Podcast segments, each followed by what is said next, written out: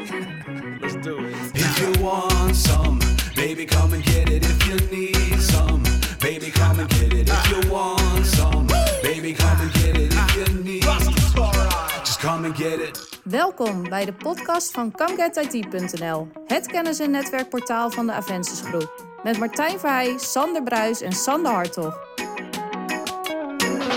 Welkom bij de ComGetIT.nl podcast, waar we in aflevering 2 gaan spreken met Rob Tummers. En dan gaat het over de soft skills van de IT'er. Hoi. Ik heb eh, wat informatie over jou proberen te zoeken. Je bent trainer bij To Enable, dat doe je samen met je vrouw. Klopt. En eh, je bent NLP. Als je zegt ik ben NLP, zou ik zeggen het is meer dan ik ben. Maar NLP is inderdaad een manier om eh, over communicatie te praten. Een methode. En die gebruik ik vaak. Ja. Oké. Nou, daar wil ik straks even wat meer over weten. Wat, wat eh, ontbreekt hier eh, bij mij nog aan? Want ik zie hier nog iets staan dat je nog iets met vrijwilligersverlof doet en gehandicapten. Ja, dat is eh, wel wat langer geleden. Maar ooit zat ik op een verjaardag en toen zat ik naast iemand die ging elk jaar met 40 gehandicapten op vakantie. Die zei, ik zoek nog iemand. Nou ja, toen zei ik ja. en dat heb ik, vervolgens was het eh, te gek. Heb ik tien jaar, eh, ben ik tien jaar op vakantie geweest met gehandicapten. Oké. In hoeverre is dat te vergelijken met het werk wat je tegenwoordig doet?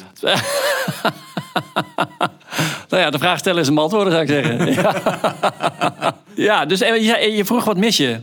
Nou, niet zozeer wat ik mis. Ja. Maar eigenlijk, ja, wie is Rob Tummers nog meer? Naast deze paar woordjes introductie. Ja, dat is een hele filosofische vraag natuurlijk. Wie ik ben. Nee, mijn naam is eh, Rob. Ik ehm, ben 42.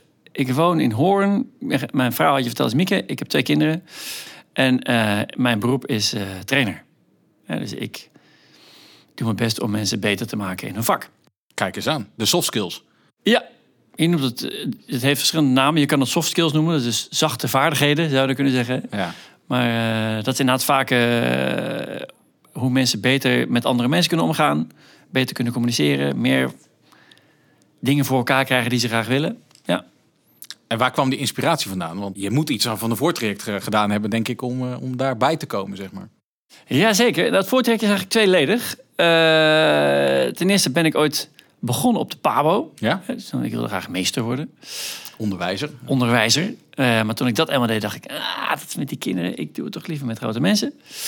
En ehm, vervolgens heb ik een aantal banen in die IT gehad. Een aantal verkoopbanen. En elke keer eindigde ik in mijn baan als trainer. Automatisch. Dat was dan hoe het dan zo liep. Hè? Dus in plaats van dat ik iets ging verkopen, ging ik mensen trainen.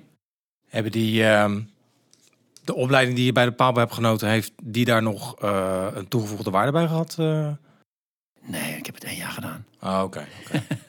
dus je vroeg wat is het voortraject Ja, geweest? ja. Wat, hoe, ben je, hoe is het zo gekomen? Dus Ja. eh één Pabo, twee eh, eindig ik steeds in mijn baan als trainer.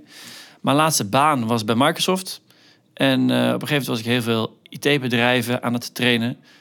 Eh, was, en elke keer kwam ik dan tot de conclusie... hey shit, ik heb eigenlijk een ander werk. Dan ben ik aan het trainen. En bij de laatste keer dacht ik... nee, dit is, als het nou de derde keer is, dan... eh, en toen heb ik de stap gemaakt om eh, een trainersopleiding te gaan doen. Ehm, en nu ben ik dan eh, ben ik trainer. Je zei net dat je bij Microsoft hebt gewerkt als Ja. trainer, maar heb je daar nog meer gedaan? Want daar zijn we ook wel even nieuwsgierig naar. Bij Microsoft kom je namelijk niet zo makkelijk binnen, heb ik mij laten vertellen. Maar- Aha, ja, ja dat, ja dat, die ervaring heb ik zelf niet. Eh, ik zou zeggen dat het idee is dat je bij Microsoft niet makkelijk binnenkomt... en dat er daardoor weinig mensen solliciteren. Ik heb gewoon gesolliciteerd, ik ben aangenomen. Eh, en eigenlijk alle mensen die bij Microsoft werken, al mijn collega's... zijn hele gewone mensen, net als iedereen. Toch wel. Toch wel. Eh, dus ik heb daar zelf nooit enig onderscheid in gemerkt. Ehm, en voor mezelf dus ook niet. Het enige is, dat was heel gek. Toen ik bij Microsoft ging werken, toen zeiden alleen opeens allemaal mensen tegen mij... Wow, jij werkt bij Microsoft. Oeh. Maar hoe is het werken bij Microsoft dan? Ja, gewoon zoals, eh, Van 8 tot 5, net zoals iedere baan. zoals iedere baan. nee, dat is deel 2. Hoe ben ik hier terechtgekomen? Dat, eh, dat was zo'n ander... Het is daar wel heel anders dan in de baan die ik daarvoor had. Ehm, dus daar liep ik ook al vast. Dus op een gegeven moment eh, werd ik wat overspannen, want ik was altijd aan het werk. Hmm. En toen kwam ik met NLP in aanraking. Zei mijn werkgever, ga eens naar een coach. En die coach deed allemaal NLP-dingen met mij. En toen dacht ik, dit is cool. En zo in combinatie met, met dat trainerschap, zeg maar, dat is uiteindelijk de stap geweest naar, naar wat ik nu doe. Terugkomend op, op Microsoft, daar ben je uiteindelijk gaan trainen of waar is daar, ben je daar begonnen, zeg maar? eh? Ja, zo, oh ja, dat was je vraag, wat deed ik daar? Hè? ja. Dus mijn baan was, ik was verantwoordelijk voor eh, alle Microsoft trainingen en certificeringen in de Nederlandse markt. Oké. Dus als Microsoft met een nieuw product op de markt komt, dan wil Microsoft graag dat partijen als Aventus en andere partijen daar kennis van hebben, zodat ze dat gaan promoten. Eh, en zowel op technisch vlak als, als op salesvlak. Dus mijn taak was om genoeg partners, genoeg mensen bij nieuwe eh, producten op te leiden, zodat ze die spullen goed konden verkopen in de markt.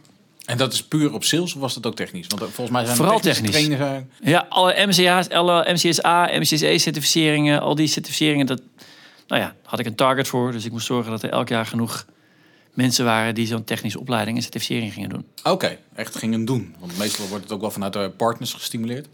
Ja, wat, wat je vaak ziet, bij heel veel producten van Microsoft eh, ging het mis. Bijvoorbeeld bij, bij de implementatie van, of bij de introductie van SharePoint, gingen heel veel klanten met SharePoint aan de slag. En de reden waardoor het mislukte, of waardoor het vaak niet goed ging, was omdat een partner of een klant gewoon te weinig kennis had. En dacht, weet je wat? We gaan gewoon lekker aan de slag. En dan bleek het toch net iets lastiger te zijn. Dus eh, wij kwamen er gewoon achter dat het heel belangrijk is dat klanten en partners genoeg kennis hebben om, eh, ja, om zo'n implementatie goed te doen. Oké, dus, eh, maar ook, echt ook de Microsoft MCSA en MCC trainingen. eh, want ik dacht dat dat altijd vanuit Engeland gebeurde of vanuit Amerika. Ja, zoals dat werkt is dat Microsoft in Amerika, dat is waar het hoofdkantoor zit, Ja. die bedenken alle trainingen en certificeringen. Hè, en ontwikkelen ze ook. En dan heb je in Nederland allemaal partijen die dat uitvoeren. Hè, Ik kan een aantal van de namen noemen, maar dat zijn allemaal, We kennen de, in de, binnen de branche genoeg, denk ik. ja, allemaal externe partners. En daar, met die partners werkte ik dus ook heel veel samen. Hè, mijn baan was om die partijen zo goed mogelijk ja, hun werk te laten doen. Ah, Oké, interessant. Maar je bent uiteindelijk wel dus een andere kant op gegaan qua trainingen geven. Dus de, de, de inhoud en de stof die je eh, geeft of eh, onderwijst. Was dan uiteindelijk het technische gedeelte binnen Microsoft degene wat je niet meer interessant vond? Wat heeft je dan uiteindelijk doen besluiten? Want je bent op een gegeven moment in een traject, ook binnen Microsoft, heb je een bepaald traject afgelegd. En daar moet een realisatie zijn gekomen van nou, dit is toch, opleiden vind ik leuk kennelijk. En dat, daar kom ik elke keer weer terecht. Maar je hebt toch een, een andere zij, eh, een, een, zijsprong genomen of een, een, afslag. Ja, er zit een soort aanname in, een vooronderstelling dat, dat ik technische kennis heb of had. Maar die heb ik dus nooit gehad. Want eh, ik heb communicatie gestudeerd en ik heb altijd sales en marketing gedaan. En mijn, mijn rol bij Microsoft heette ook een salesrol. Dus eh, ik heb me nooit bezig gehouden met techniek. Ik snap wel de grote lijnen. Ik weet wel wat de Microsoft producten zo'n beetje doen, maar ik heb nooit zelf achter de knoppen gezeten. En wat ik nu ook doe, ik ben inmiddels freelancer en de partijen waar ik voor werk, ik kom net bijvoorbeeld bij een van die partijen vandaan die partijen zijn ook steeds meer bezig om hun klanten, dus de IT-bedrijven en de mensen die op IT-afdelingen werken, om die naast technische kennis ook te voorzien van, nou ja, wat jij zei, soft skills. Dat wordt steeds belangrijker. Dus die techniek is belangrijk, maar daarnaast is het net zo belangrijk hoe krijg je techniek verkocht aan je collega's of aan je werkgever of aan de, aan de directeur of nou, allemaal dingen die naast techniek komen kijken. Oké. Ja, dan ben ik toch benieuwd naar het NLP.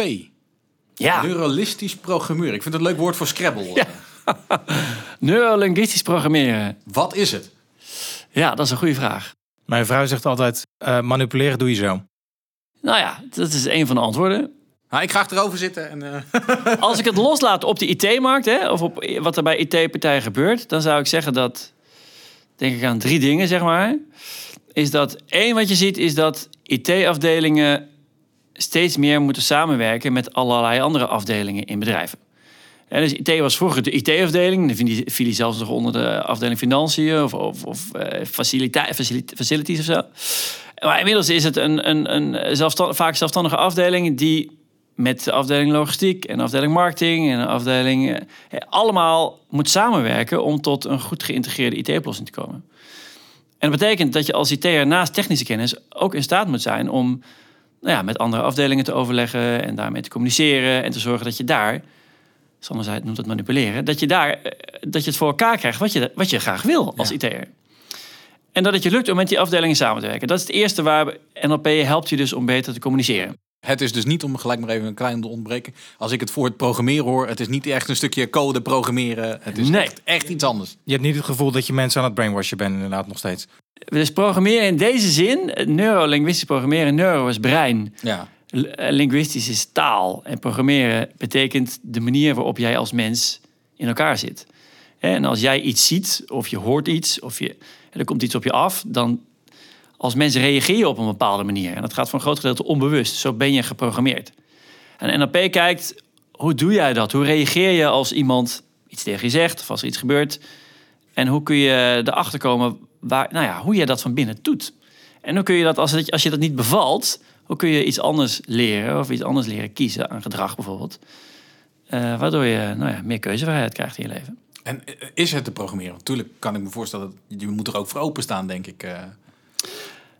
Ja, nou ja, antwoord op de eerste vraag. binnen de kaders van eh, NLP zeg ik natuurlijk ja, dat is te programmeren.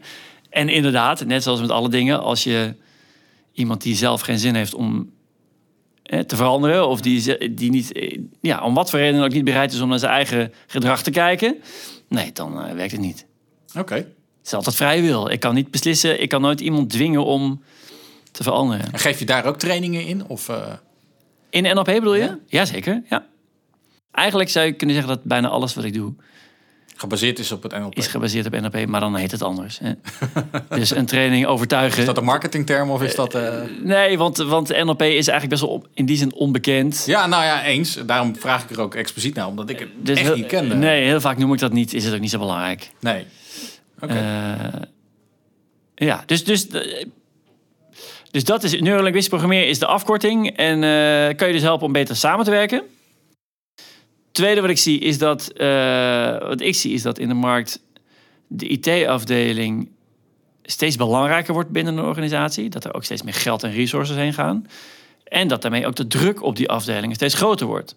Hè, En eh, het mag ook niet meer misgaan. De IT kan niet even twee uurtjes of twee Nee. dagen uitvallen. Dus de druk om te presteren wordt veel groter. En dat vraagt ook iets van nou ja, de manier waarop IT'ers werken. Hè, Hoe doelgericht ze wer- werken of hoe resultaatgericht. En hoe ze onderling in dat team samenwerken. Dus daar waar er gedoe is of frustratie, eh, nou ja, dan zou NLP je kunnen helpen om elkaar beter te leren begrijpen.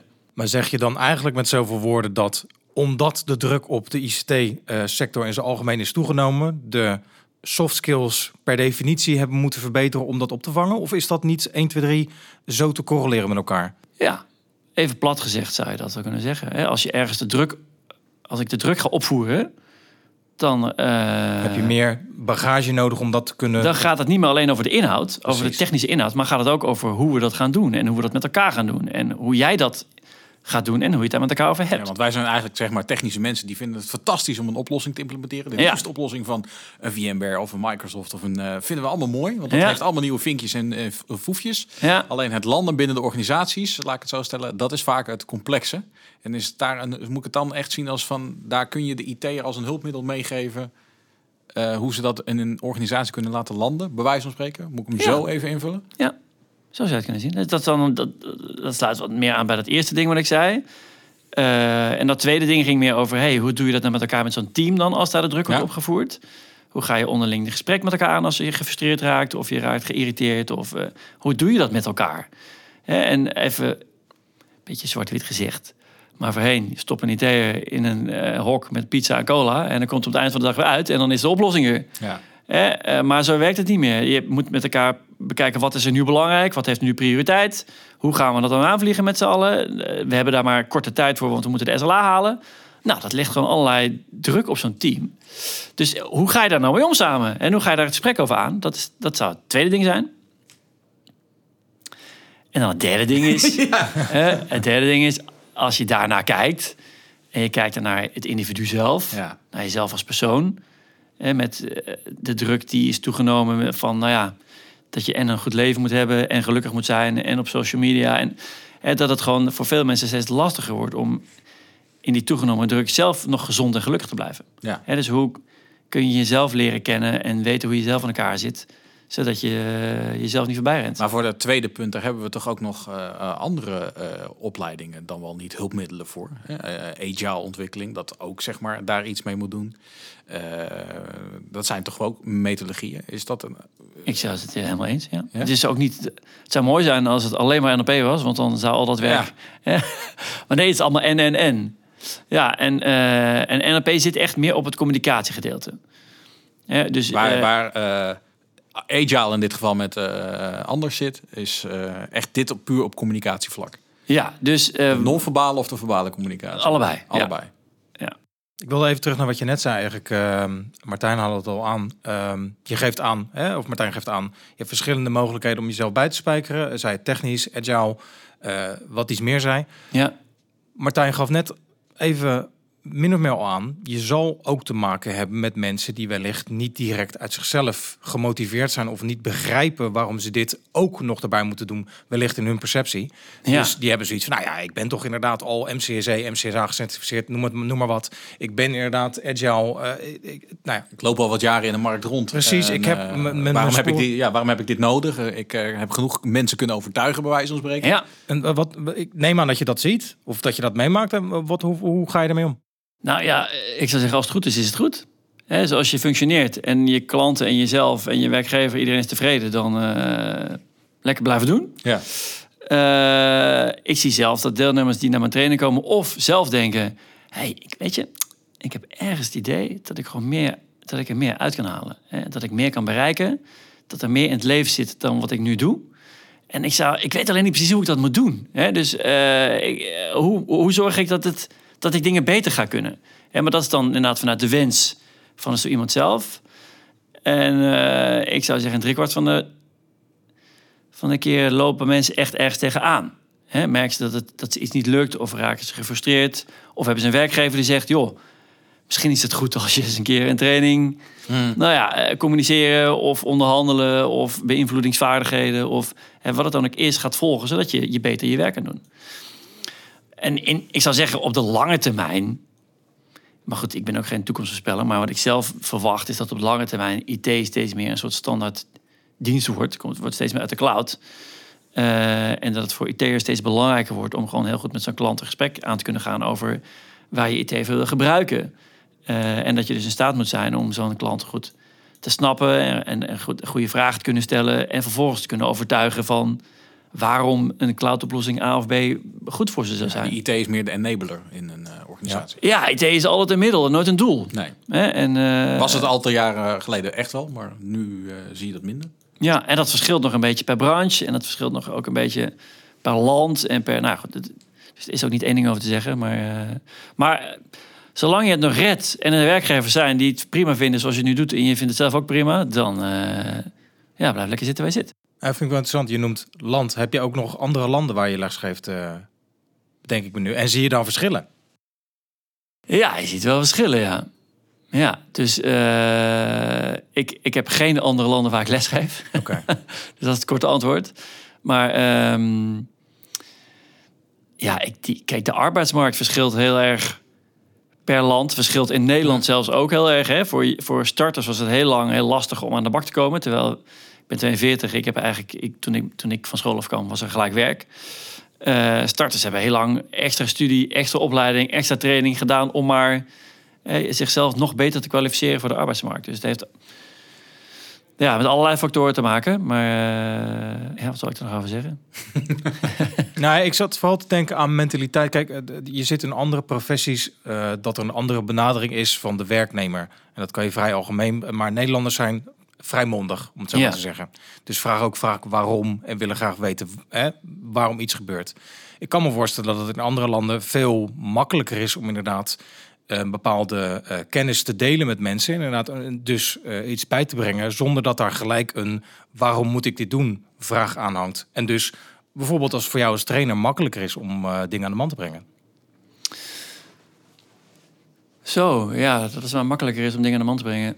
Nou ja, goed, je, je geeft zelf aan dat je zelf geen training hebt gegeven, dus ik kan me voorstellen Nee, dat het dus moeilijk is het om lastig om te daar... schatten. Ja, precies. Het is meer, er wordt meer gok dan... eh, Kijk, laat ik zeggen, ik, ik ben net in Amerika geweest. En, ehm, en daar heb ik ook met een collega gesproken van, van Microsoft die daar naartoe verhuisd is. Ehm, daar is het veel hiërarchischer ingesteld. Ik- Zou je wellicht niet zeggen, maar op het werk... daar ga je als werknemer echt niet zeggen...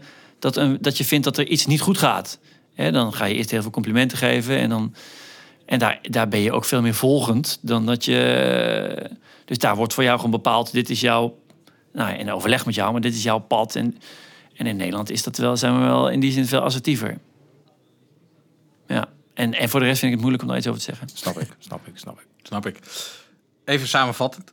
Eh, ik ben IT'er. En waarom zou ik bijgeschoold moeten worden dan?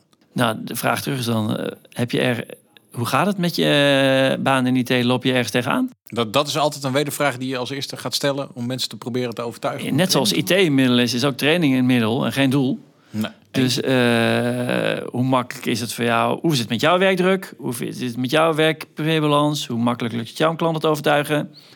Hoe, nou ja, doe maar een aantal vragen. En als, eh, hoe zit je in je vel? En als op al die vragen is, het gaat lekker. Ik heb een topbaan. Ik krijg elke keer een tien als beoordeling en ik heb geen stress. Ja, eh, heb je mij niet nodig. Nee. nee, eens. Dan zou ik vooral zeggen, ga andere mensen dat vertellen hoe ze het kunnen doen. Want er zijn heel veel mensen die het lastiger vinden om...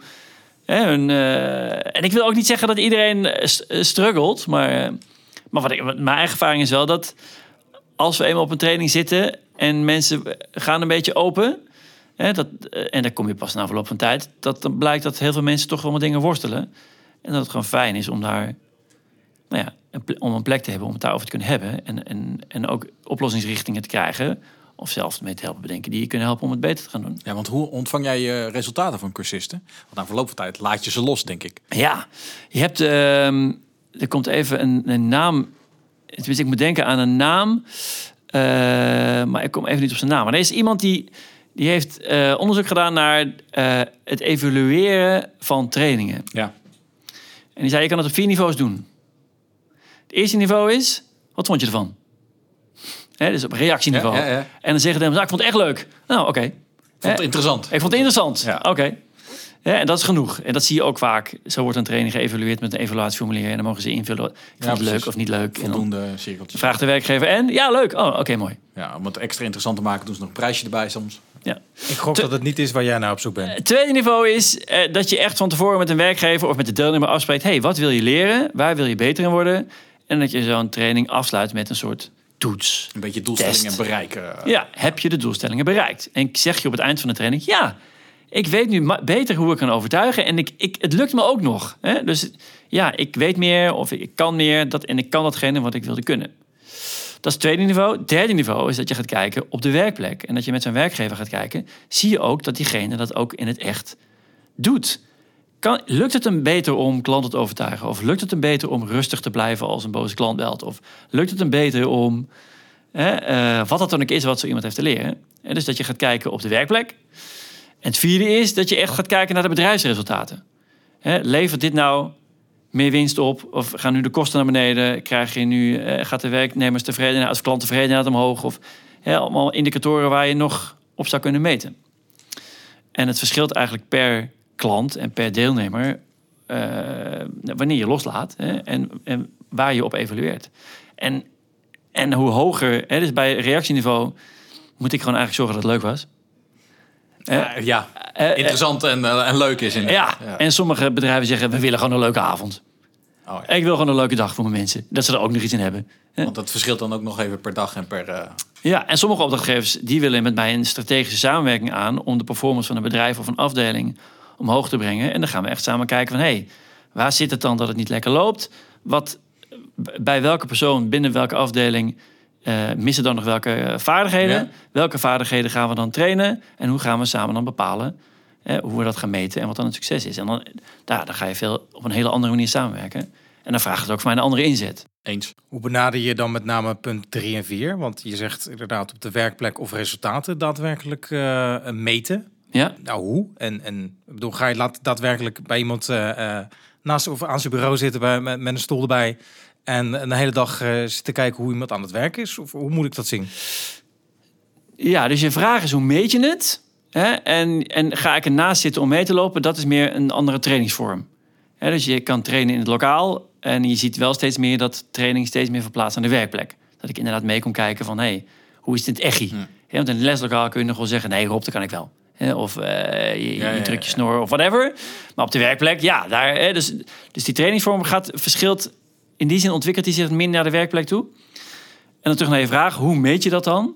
Ja, dat is een beetje een flauw antwoord, maar dat hangt dus af van de doelstelling. Hè, als ik een verkoop, als ik een sales team ga trainen, ik geef ook verkooptrainingen, dan kijken we gewoon hoeveel omzet is er nu. Ja, precies. Word je echt En hoeveel omzet ja. doet Pietje per maand? En eh, nou, dan stel ik voor dat we na de training, dat ga je ook samen afleggen, dat hij 10% meer gaat doen of dat hij 20% meer gaat doen. En als je dat haalt, krijg ik, een, krijg ik ook een bonus. En haalt hij het niet, nou ja, daar zijn allerlei modellen voor. Dat kun je ook, je kunt het ook doen met de service desk afdeling. Hoe lang doe je nu over een, het afhandelen van een call? Of hoeveel, eh, hoe vaak moeten klanten nog bellen voordat het definitief eh, de call is afgehandeld? Dus dan gaan we kijken. We willen graag de call sneller opgelost. Of we willen graag dat die in één keer beter wordt opgelost. Of net wat het is waar zo'n organisatie tegenaan loopt. Hè, Of we willen dat... We doen elk half jaar klanttevredenheidsonderzoek. En we krijgen gewoon te horen dat we hier een stelletje lompe boeren zijn. Ja. Hè, dus, eh, we willen graag dat klanten een hoger cijfer geven voor de klanttevredenheid of de klantvriendelijkheid. En als je nou kijkt naar de IT'er, Ja. wat, wat kan je dan aanbevelen dan eh, eh, qua meetbaar resultaat? Want wij als consultants, Sander en ik, gaan als consultants het veld in. Ja, daar train je ook mensen in. Ja. Ja, Hangt het dan af van het type training of hangt het echt af van het type persoon? Of is het een globaal... ja, dat zijn drie vragen in één keer. Dat zijn een hoop vragen in één keer. Dan laat ik de vraag iets anders beantwoorden. En kijken of we erop kunnen uitkomen wat je bedoelt. Je, als ik kijk naar training, dan kun je, zijn er een aantal niveaus, een aantal gebieden waarop je kunt trainen. Het eerste is kennis. Hè, weet, je, Ja, ja. weet je genoeg van onderhandelen of overtuigen of presenteren... Hè, om een goede presentatie te kunnen geven of een klant overtuigen. Het is kennis. Het tweede niveau is vaardigheden. Dus hoe lukt het je met die kennis om dat ook echt te doen? Hoe geef je een presentatie als je dat niet doet? Hoe doe je een onderhandeling als je nu, als je nu onderhandelt? Of eh, al, al, al dat soort vaardigheden wat je als consultant nodig hebt. Dus hoe doe je dat?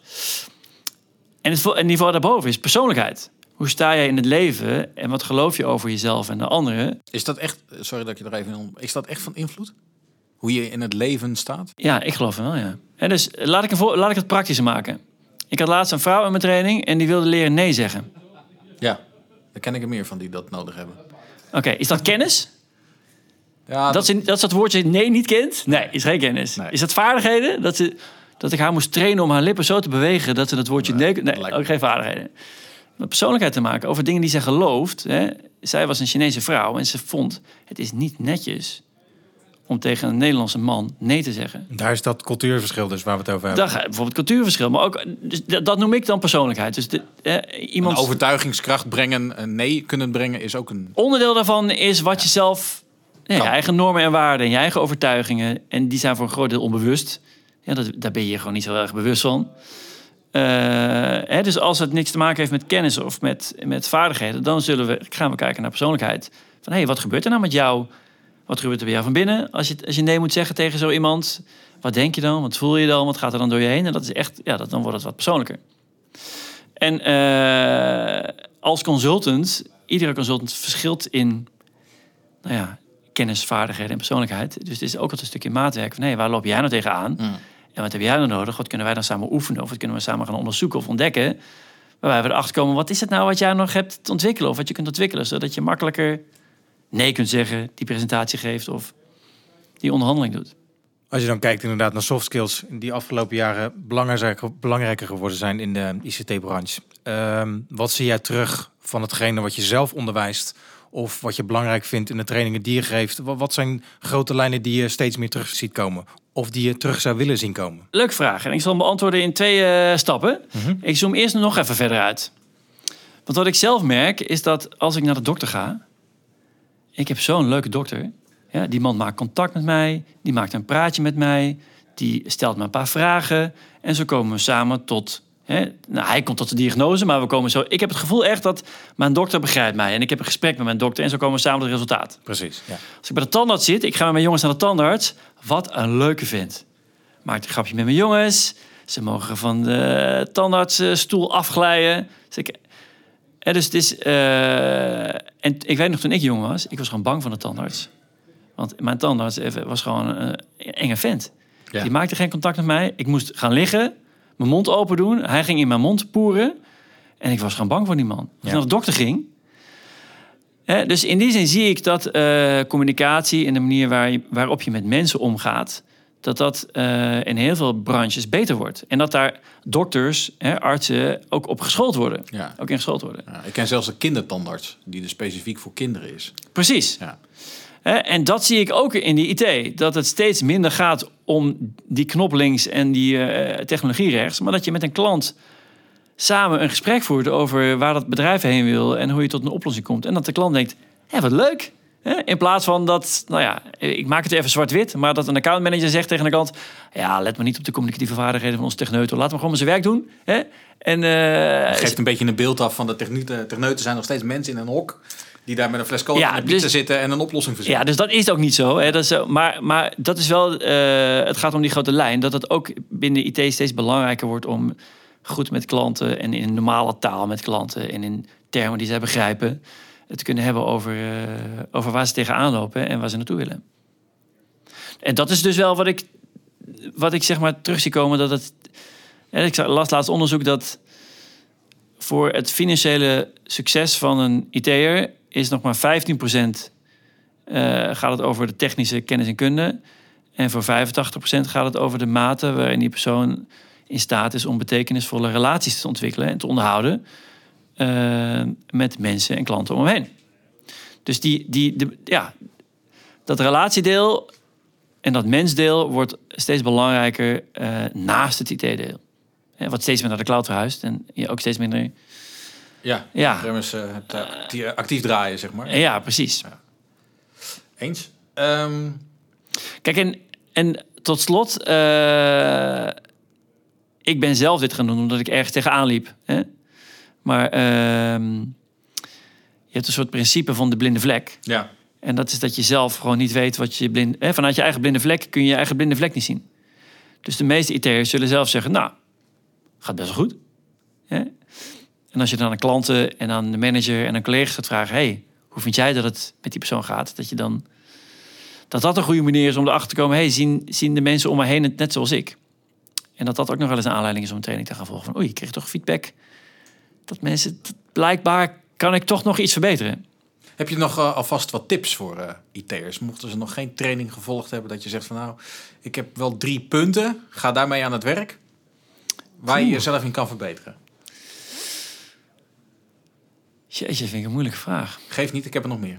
Ja. nou, omdat het zo generiek is. Hè? Dus ehm, Ik zit in de auto te luisteren, zo moet je het zien. En, eh, ja. Nou ja, ik zou, de eerste eh, vraag zou dan zijn... hey, krijg jij op je werk voor elkaar wat je voor elkaar wil krijgen? Eh, en zo niet, zou het kunnen liggen aan de manier waarop je dan je ideeën presenteert. Of waarop je, eh, waarop je dat zelf dus doet. Is, eh, hoe gaat het met je? Heb je het leven dat je graag wil leiden? Zo ja, te gek. Mijn ervaring is dat, dat bij de meeste mensen toch wel iets is waarvan ze denken dat kan beter. er is verbetering Er noodzakelijk. is verbetering noodzakelijk en of mogelijk. Eh, heb, neem het lef om met iemand, nou, kan in een training, maar kan als coaching, om die vraag gewoon eens te, onder, te gaan onderzoeken. hey, wat zou ik nou beter kunnen doen? En hoe zou dat eruit zien dan? Hoe zou dat, dat eruit zien? Wat moet ik dan doen? Of wat kan ik dan doen om beter te worden? Om die doelstelling te bereiken. Om zo'n doelstelling te bereiken. En, ehm, en de derde tip is dus, vraag het eens aan je Vraag feedback. werkgever, aan je opdrachtgever, aan je vrouw of partner of aan je collega's. Hey, heb je... En dan echt vanuit hè, nieuwsgierigheid kun je... Ik zou graag willen groeien of ik wil graag beter worden. Zou je me eens één ding kunnen zeggen waarvan jij denkt dat ik het beter zou kunnen doen? Ja, vraag feedback heb ik maar wel eens laten Vraag vertellen. feedback, Vraag precies. feedback is eh, aan het einde van de meeting, als je met je collega weer buiten staat bij die klant, vraag eens feedback. Goh, wat vond jij? Wat, eh, soms ook wel eens aan de klant. En als je aan een klant vraagt, hoe vond je dat ik het deed? Ja.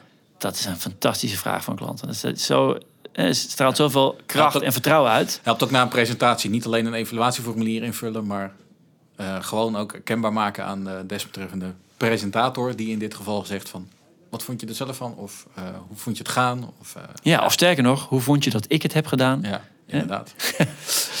ik, kijk, Ja, dat is eh, lastig hoor. Lastig. Vind ik zelf ook nog wel eens Ja. lastig. Maar eh, het is een kwetsbare vraag. ik kijk om me heen. Eh, we hadden nog wat moeilijke vragen, die hebben we verzameld. Nou, Juist. Shoot. We zijn aangekomen bij het vaste onderdeel van onze podcast. Dat is de vraag die niemand durft te stellen. oh! In een envelop, maar we hebben er drie, dus je mag ook nog kiezen. Ja, leuk. Ehm, wat dat betreft mag je gewoon kiezen welke je wilt. Voor de luisteraars, we hebben een bovenste en een onderste, maar die zijn ook links en rechts en in het midden. Ja, het zijn vragen die dus niemand durft te stellen. Precies. Prikkelend. Cool. Nou, Er wil is ik één vraag, je hoeft er maar één te beantwoorden. Oh, ik zou ze alle drie willen beantwoorden dan. Of in ieder geval alle drie willen lezen. Pak het inmiddels. dan. Voor de luisteraar, Rob pakt de middelste envelop. De envelop wordt geopend.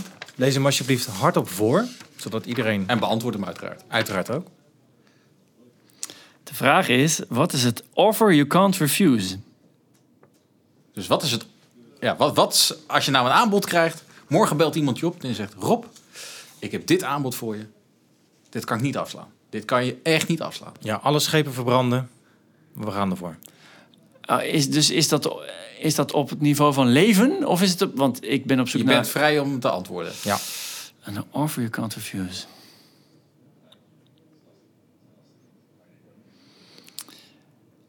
Nou, als eh, iemand zou vragen van Rob, heb je zin om een jaar in eh, een arm land ontwikkelingswerk te gaan doen en je hele familie kan mee?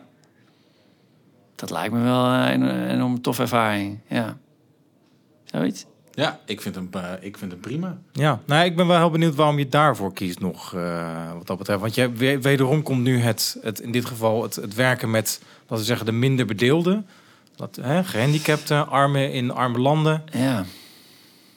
Wat, wat triggert je daar specifiek in? Nou, omdat eh, als ik het nieuws kijk, of als ik de krant lees, of als ik magazines lees, dan voel ik me ook wel eens schuldig over hoe goed het met mij gaat. Hoe goed ik het heb in mijn gezin. Ik heb het ongelooflijk goed. Ik heb het leukste werk wat er is. Ik hoef niet meer 40 uur per week te werken. Ik, als ik twee dagen in de maand, of twee dagen in de week training geef, is prima. Ik heb leuk werk, ik heb veel vrije tijd, ik heb het gewoon supergoed. En eh, voel ik, ik weet dat die schuld, dat het een soort schuldgevoel is wat niet per se valt af te kopen met. Maar dan denk ik nou, ik zou wel eens wat meer terug kunnen doen. Ja. En eh, naast die financiële gift, of dat vrijwilligerswerk, of eh, iets doen met echt impact in plaats van. En je, je, kan je kennis op die manier weer, weer inzetten. Ja, ik denk dat die mensen eh, al veel blijer zijn met nog veel minder dan kennis, maar gewoon met eh, een brood en eh, hulp met een huis bouwen. Of weet je wel, voorstellen dat je huis is weg is naar een orkaan. Weet je, gewoon iemand die je mee komt helpen en die, nou ja, misschien inderdaad hard onder de riem steekt. Maar zoiets. Rest mij niks anders dan deze aflevering af te sluiten. Eh, ik wil jou ontzettend bedanken voor het luisteren. En eh, ik hoop eh, dat je er wat van opgestoken hebt. Volgende maand hoor je weer een nieuwe Come Get IT podcast. En wil je nou niks missen? Abonneer je dan via je App Store. Dat kan in de Apple iTunes Store of in je Google Play Store. Op deze podcast. En dan krijg je automatisch iedere maand deze podcast in jouw podcast app. Yes. Tot de volgende keer. Tot de volgende keer.